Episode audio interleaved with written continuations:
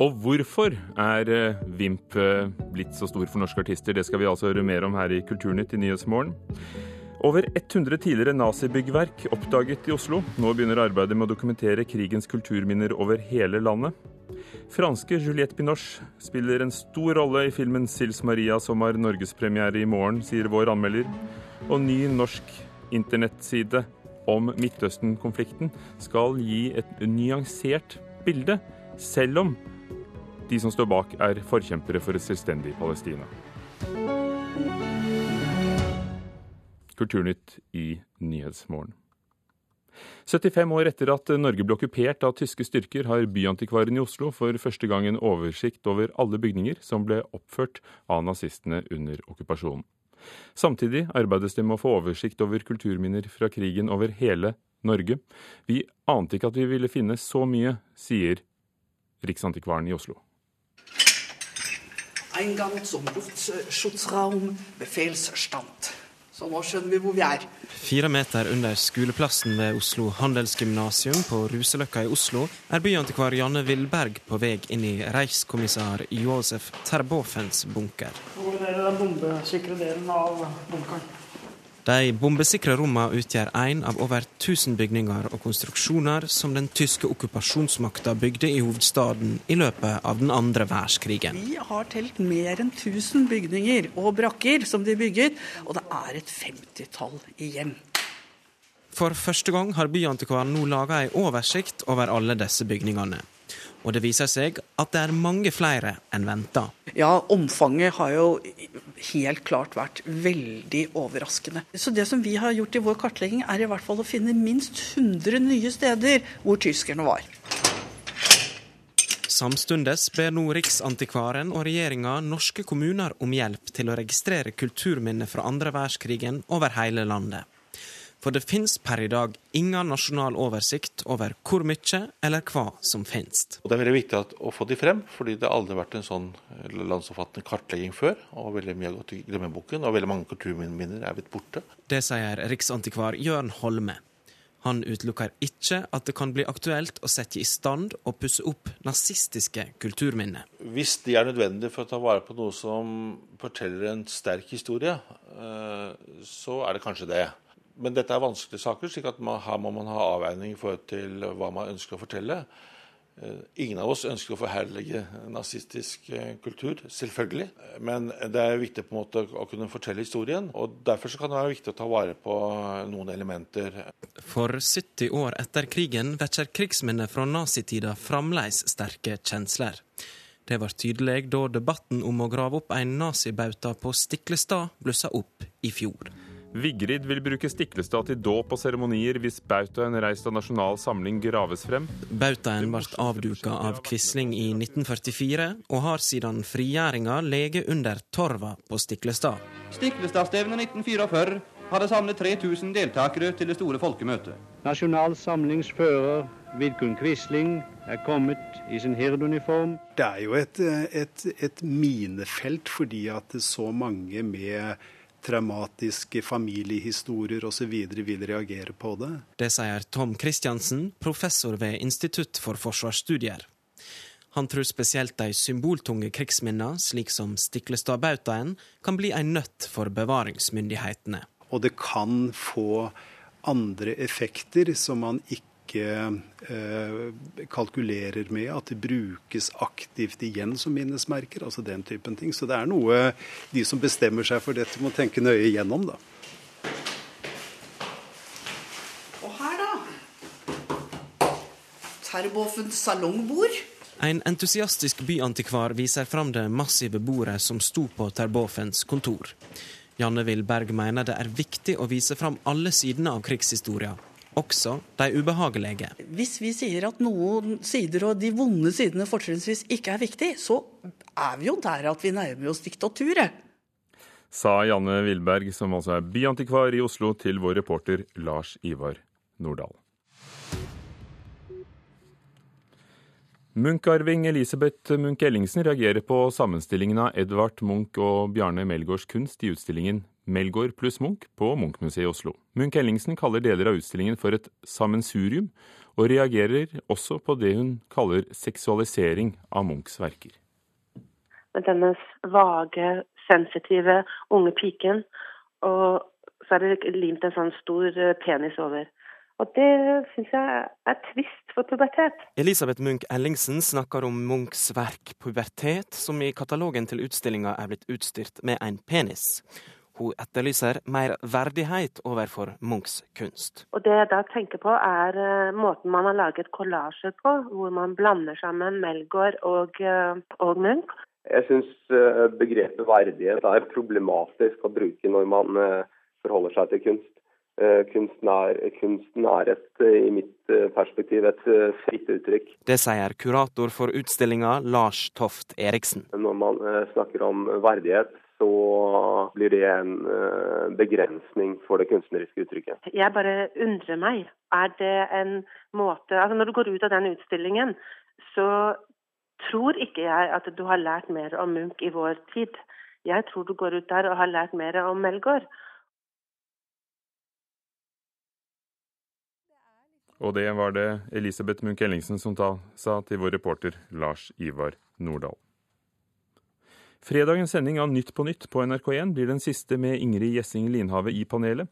Etter halvannet år i programmet slutter hun for å lede NRKs nye lørdagsunderholdning Big Bang, sammen med Kåre Magnus Berg, kjent fra bl.a. et program som Stjernekamp. Og Linhave gleder seg. Det er litt vemodig, kjenner jeg nå, men så er det så innmari gøy det jeg skal inn i. Og så har jeg jo bare hatt luksus. Jeg kan velge mellom to prosjekter som er helt fantastiske, og så endte det med å velge vekk Nytt på nytt, da. Så det er sånn Fint, litt vemodig. Har liksom hatt en liten tåre i øyekroken i dag. Ingrid Gjessing Linhave og erstatteren hennes i Nytt på Nytt blir kjent neste uke. I dag er det fem år siden den norske strømmetjenesten for musikk, Vimp, ble lansert. I løpet av disse fem årene har selskapet utbetalt rundt 400 millioner kroner til plateselskaper og til rettighetsorganisasjonen Tono. Men selv om ikke en særlig stor del av disse 400 millionene kronene havner i norske utøvende artisters lommer, så er Vimp selv fornøyd. Nei, Utviklingen eh, med Vimp har vært strålende. Det sier Sveinung Rindal i Wimp, og han klapper seg gjerne litt ekstra på skulderen i dag. Ja, Vi er på vei mot noe større hele tiden. Eh, og det er liksom konstant forandring og engasjement og ja, spennende ting som skjer. Wimp ble født for fem år siden av foreldrene Aspiro AS og platekompaniet, da sistnevnte forsto at omsetning av musikk på CD ikke var en lukrativ vei inn i fremtiden. I dag råder Wimp over 25 millioner låter som de lar strømme ut over de som måtte være interessert i Norge, Sverige, Danmark, Tyskland og Polen. Og det er ingen hemmelighet at av de fem landene så er interessen størst i Norge. Men mens du hører på dette, så forberedes en global lansering i 30 land, da under navnet Tidal. Tidal er uh, vårt nye internasjonale uh, streamingprodukt, uh, som har en litt annen musikkprofil og en litt Ja, vi har kanskje tatt litt av essensen av det vi har lært av Vimp gjennom fem år, og gjør det bare enda bedre. Og kanskje var det nettopp ambisjonene om å lansere i 30 land som gjorde at det amerikanske selskapet Project Panther Bidco, eid av hiphop-legenden JC, kjøpte Aspiro og dermed den norske strømmetjenesten Wimp for kun tre uker siden. Det var nok ikke pga. den høye norskandelen.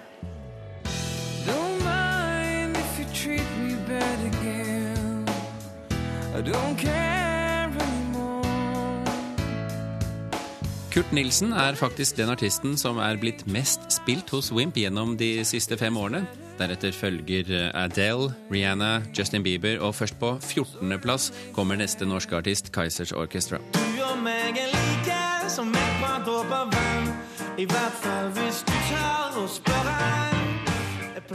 Alt i alt nådde Wimp likevel en norskandel på 33% noe de er svært fornøyd med. Men de er ikke de eneste som er fornøyde. Wimp har betydd eh, veldig mye. Det sier leder i Norsk Artistforbund, Knut Aafløy. Spesielt for norsk musikk. Fordi at eh, de uh, legger mye tyngde i redaksjonelt arbeid. Men de fleste norske artister skulle gjerne sett at en større andel av potten tilfaller de som lever av å lage musikk. Så når Wimp i dag slår om seg med at 400 millioner er sendt videre til plateselskaper og rettighetsorganisasjonen Tono, så er det en sum som ikke akkurat imponerer Aafløy. Det er et fint tall. Eh, det som er viktig å huske på, er det at eh, mer enn halvparten av de pengene går jo til utenlandske rettighetshavere. Royalty og vederlag eh, er, er jo en, en, viktig inntektskilde for å lage ny musikk. Men det er også viktig å huske på at veldig mye av den musikken som strømmes, og som konsumeres på de digitale plattformene, er musikk som er laget for 10-20-30-40 år siden og er nedbetalt ganske mange ganger. Så eh, inntektene fra, fra strømming eh, som går i siste ledd tilbake til, til artistene, er jo, er jo eh, selvfølgelig marginal. Og eh, det er en debatt som pågår, og det er en debatt som, som vi blir nødt til å, å fortsette med. Og reporter var Birger Kolsrud Jåsund. Audun Molde, førstelektor ved Westerdals Oslo ACT og Handelshøyskolen BI. Hva har Vimp betydd for norske artister i sine fem år? Vimp som en norsk tjeneste har betydd eh, ganske mye, faktisk. Bl.a. ved å framheve norsk musikk i applikasjonene sine. Eh, det medfører også at de har en høyere norskandel enn f.eks. Spotify har. Eh, dessuten så har også Vimp tilgjengeliggjort en god del eh, norsk musikk som ikke har vært mulig å få tak i på veldig lenge. La oss si hvis du bor i Bodø og går inn i en platebutikk for å få tak i første plata til Halvdan Sivertsen, så kan ikke du gjøre det. Punkt én fordi det finnes ingen platebutikk i Bodø. Og punkt to fordi at uh, hvis det hadde vært, så ville ikke den plata vært der. Men den ligger på Vimp. Så, og det er jo et spørsmål om kulturarv. Eh, at veldig mye eldre norsk musikk er tilgjengeliggjort. Og eh, så vil jeg også si at det er en fordel at det er en kortreist musikktjeneste. Det er ganske lett å snakke med Vimp. Eh, de har et stort kontor i Oslo, og de har et veldig åpent forhold til aktører i musikkbransjen. Vimp slår seg på brystet i dag med en norskandel på 33% Tall fra Tono viste for 2013 at norskandelen for alle strømmetjenester var bare 12,2 mm. Hva er det de da gjør? For du finner vel den samme artisten på Spotify eller Beat også, hvis du leter? Ja da, absolutt. Eh, nei, Det har jo med kuratering å gjøre. hvor de, eh, de de har jo en politikk på det.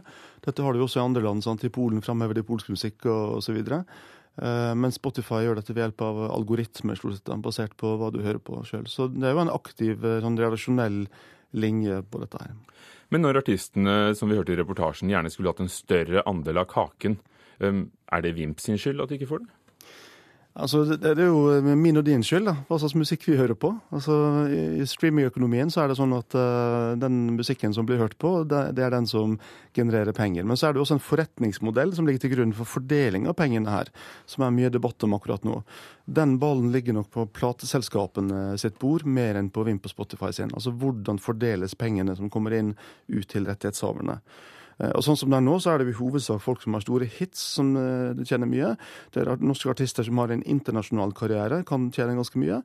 Uh, og, og, og, også artister som har på en måte en katalog, som Knut Aafløy sa i innslaget her. 30-40 år gammel musikk som på en måte får et nytt liv da, gjennom at det blir gjenoppdaget gjennom Imp. For det er klart at nå kjøper vi og lytter til låt for låt. Da vi kjøpte plater, som fortsatt går an, så var det hele plater. Mange artister kunne leve av det. Hvem kan leve av strømming? Det er det nesten ingen norske artister som kan, og det er nesten ingen som tror heller at de kan. Eh, men det er jo de tre gruppene som jeg nevnte, da, altså hitmusikk, internasjonal karriere og, og katalog, som tjener en del musikk i streamingøkonomien. Nå skal selskapet ut i 30 land, som vi hørte, under navnet Tidal. Eh, de skal basere seg på en god lydkvalitet, altså bedre enn den vanlige, det som er hifi-tjenesten på norsk. De har ingen mm. reklameløsning, som vi vet ennå. Eh, vil de klare det? Ja, Det gjenstår å se. Det er jo en sterk konkurranse. Eh, store aktører som Google og Apple har ting på gang. Spotify er en markedsleder. Det finnes rundt 500 forskjellige store og små tjenester der ute. Men det er klart at de har jo et produkt som egentlig er innovativt. da. For det å satse på, eh, på hifi-lyd, på god kvalitet, er det svært få i det markedet som har gjort på samme måten som Tidal. Og jeg er opptatt av det når det gjelder piksler på kameraer og HD på TV. Så kanskje det er mange som er opptatt av uh, lydkvalitet også. Det ble startet i Norge. Er det egentlig et norsk selskap, og vil det være det i fremtiden? I dag så er jo Ferd og platekompaniet og Schibsted de store eierne. Eh, selskapet Aspiro som står bak, er jo registrert i Sverige. Så blir det veldig spennende å se om dette salget til JC går igjennom. Det får vi da vite i, i mars. Det blir veldig interessant. Da, da Vimp begynte, så hadde streaming en markedsandel i Norge på under 10% I dag er den prosenten på over 75% av omsetningen i musikkbransjen i Norge. Så det har jo vært en fantastisk utvikling i løpet av de fem årene. Audun Molde, førstelektor ved Handelshøyskolen BI og Westerdals Oslo ACT. Takk for at du kom og kommenterte Vimp fem år. 18 minutter over åtte dører på Kulturnytt i Nyhetsmorgen, der overskriften i dag er at pensjonister frykter trangere tider. Lønnsoppgjøret kan ende med at prisene øker mer enn pensjonen. 20 000 dyr brenner inne på norske gårdsbruk hvert år. Årsaken til de fleste brannene er feil på elektriske anlegg. Vi er ikke i krig med islam, vi er i krig med folk som har pervertert islam. Det sa USAs president Barack Obama på en konferanse om ekstremisme i går. Og her i Kulturnytt fortsetter vi med en norskspråklig internettside, infofada.no, som lanseres neste uke. Her skal lesere få nyheter, analyser og kommentarer fra Israel og Palestina-området, skrevet av israelere og palestinere. Redaksjonen sier de gjerne vil gi et nyansert bilde av konflikten, selv om de er forkjempere for et selvstendig Palestina. Det pågår en okkupasjon i Palestina, og vi mener at det er helt riktig å ta et standpunkt imot det, samtidig som vi prøver å få frem nyansene i konflikten. Edmund Einar Walton er en av initiativtakerne bak infofada.no. Det uavhengige nettmagasinet som lanseres på mandag, skal dekke Israel-Palestina-konflikten. Men redaksjonen er pro Palestina. Det å ta et standpunkt er ikke det samme som å være unyansert. Vi ønsker å levere fakta. Eh, men det betyr ikke at vi skal stikke noen ting under en stol. Vi har selvfølgelig en prestasjon av redaksjonen som er der, i tillegg til en prestasjon av selve Infofada generelt. Redaktør Erik Skare viser fram det snart publiserbare produktet. Her står det svart på hvitt. Hvor bl.a. Eh, det redaksjonelle standpunktet kommer frem, om at det trengs en rettferdig fred i Palestina, og at det nødvendigvis må bety slutten for israelsk okkupasjon og apartheid i Palestina og Israel. Så hvis disse aktørene er interessert i å fortelle historier i Norge som hjelper det norske folk å forstå kompleksiteten i konflikten, så er jo det vel og bra. Konrad Myrland er daglig leder i Med Israel for fred. Han mener Infofada drukner i mengden av pro-palestinsk informasjon. Her føler jeg at uh, aktørene kommer inn på et marked som allerede er svært overmette. Det er jo et enormt overfokus på denne konflikten i forhold til andre konflikter hvor 100 og 1000 ganger flere mennesker dør. Eh, jeg er veldig uenig i det. Eh, jeg mener at det vi kommer til å gjøre, eh, er nettopp det media ikke får til. Det, altså at vi ikke kommer til å drukne i mengder da. Fordi det finnes veldig lite mengde av kommentar og analyse. Infofada ønsker nettopp å gi leserne innhold som man ellers ikke får i andre norske medier.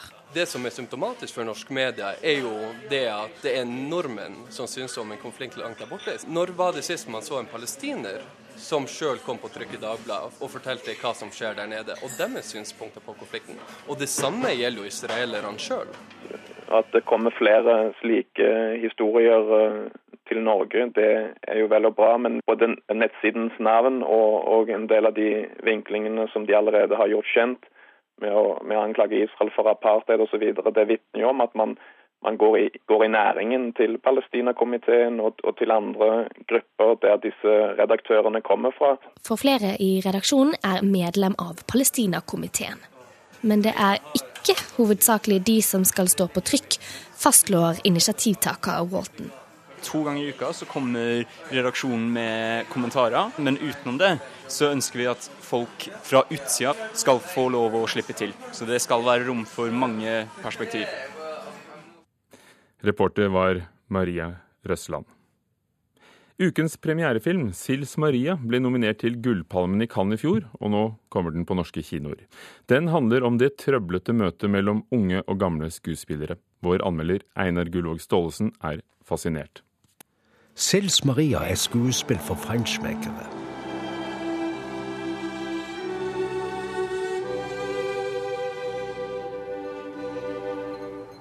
For Juliette Binoche må filmen være et hovedverk. Jeg tror hun ser det sånn.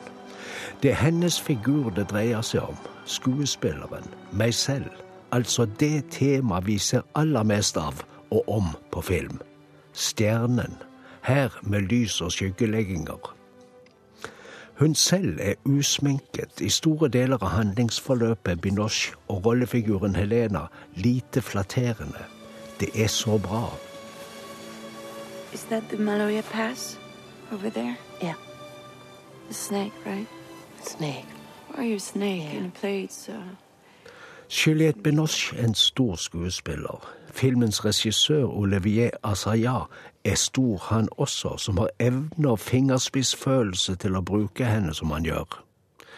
For 20 år siden, da skuespilleren var ung og på vei opp, spilte hun seg til suksess i en rolle hvor motparten var 20 år eldre.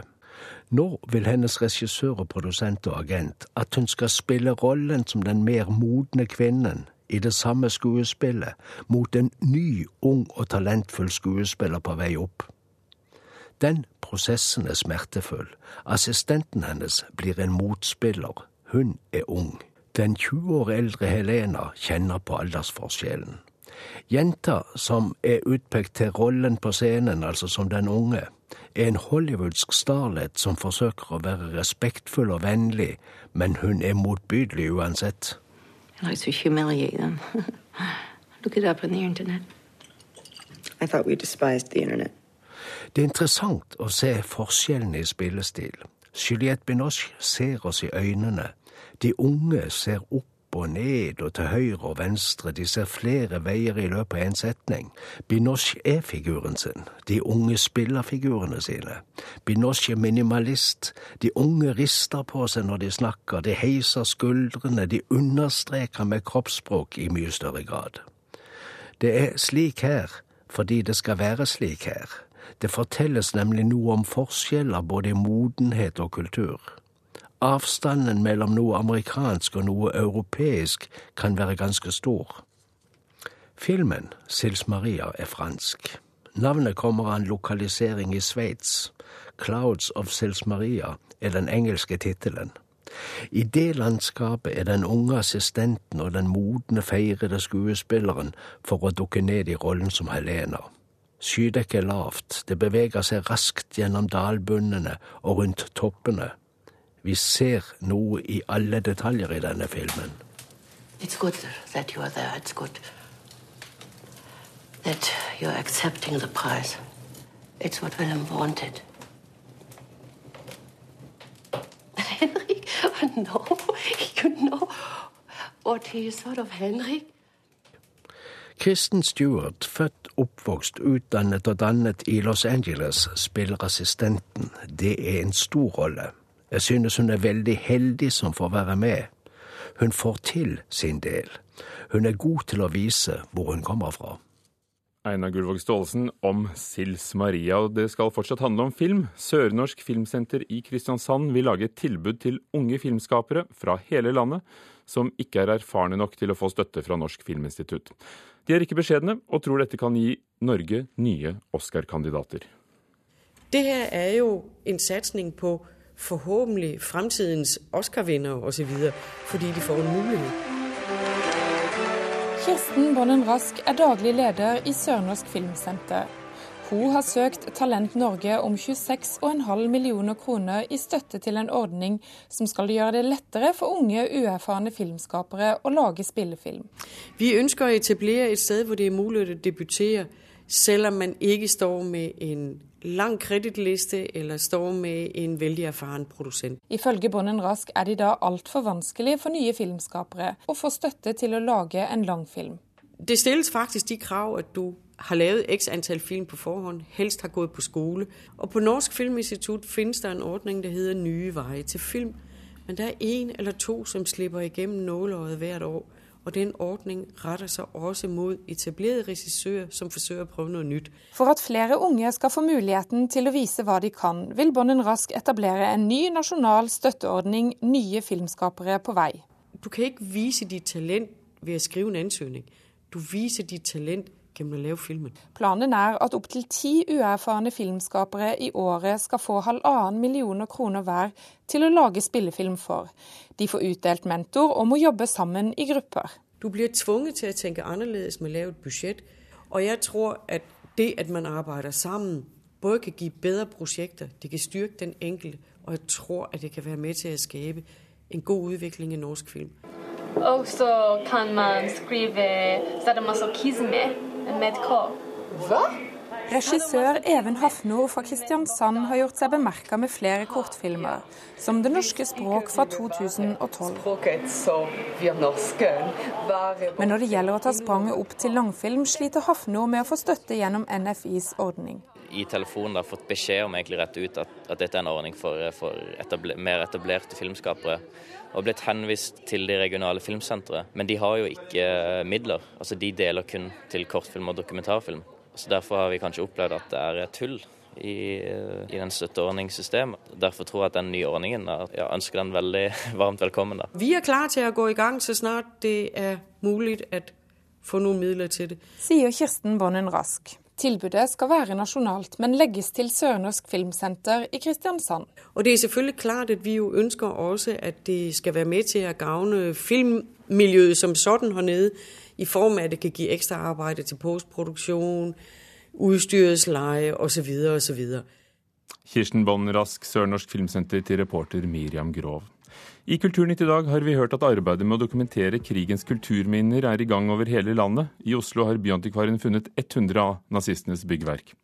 Vimp er den strømmetjenesten med høyest norskandel, 33 og Munch-arving Elisabeth Munch-Ellingsen kaller utstillingen Melgaard og Munch for et sammensurium, og reagerer på seksualisering av Munch. Det sier hun til Aftenposten i dag, og vi hørte henne også her i Kulturnytt.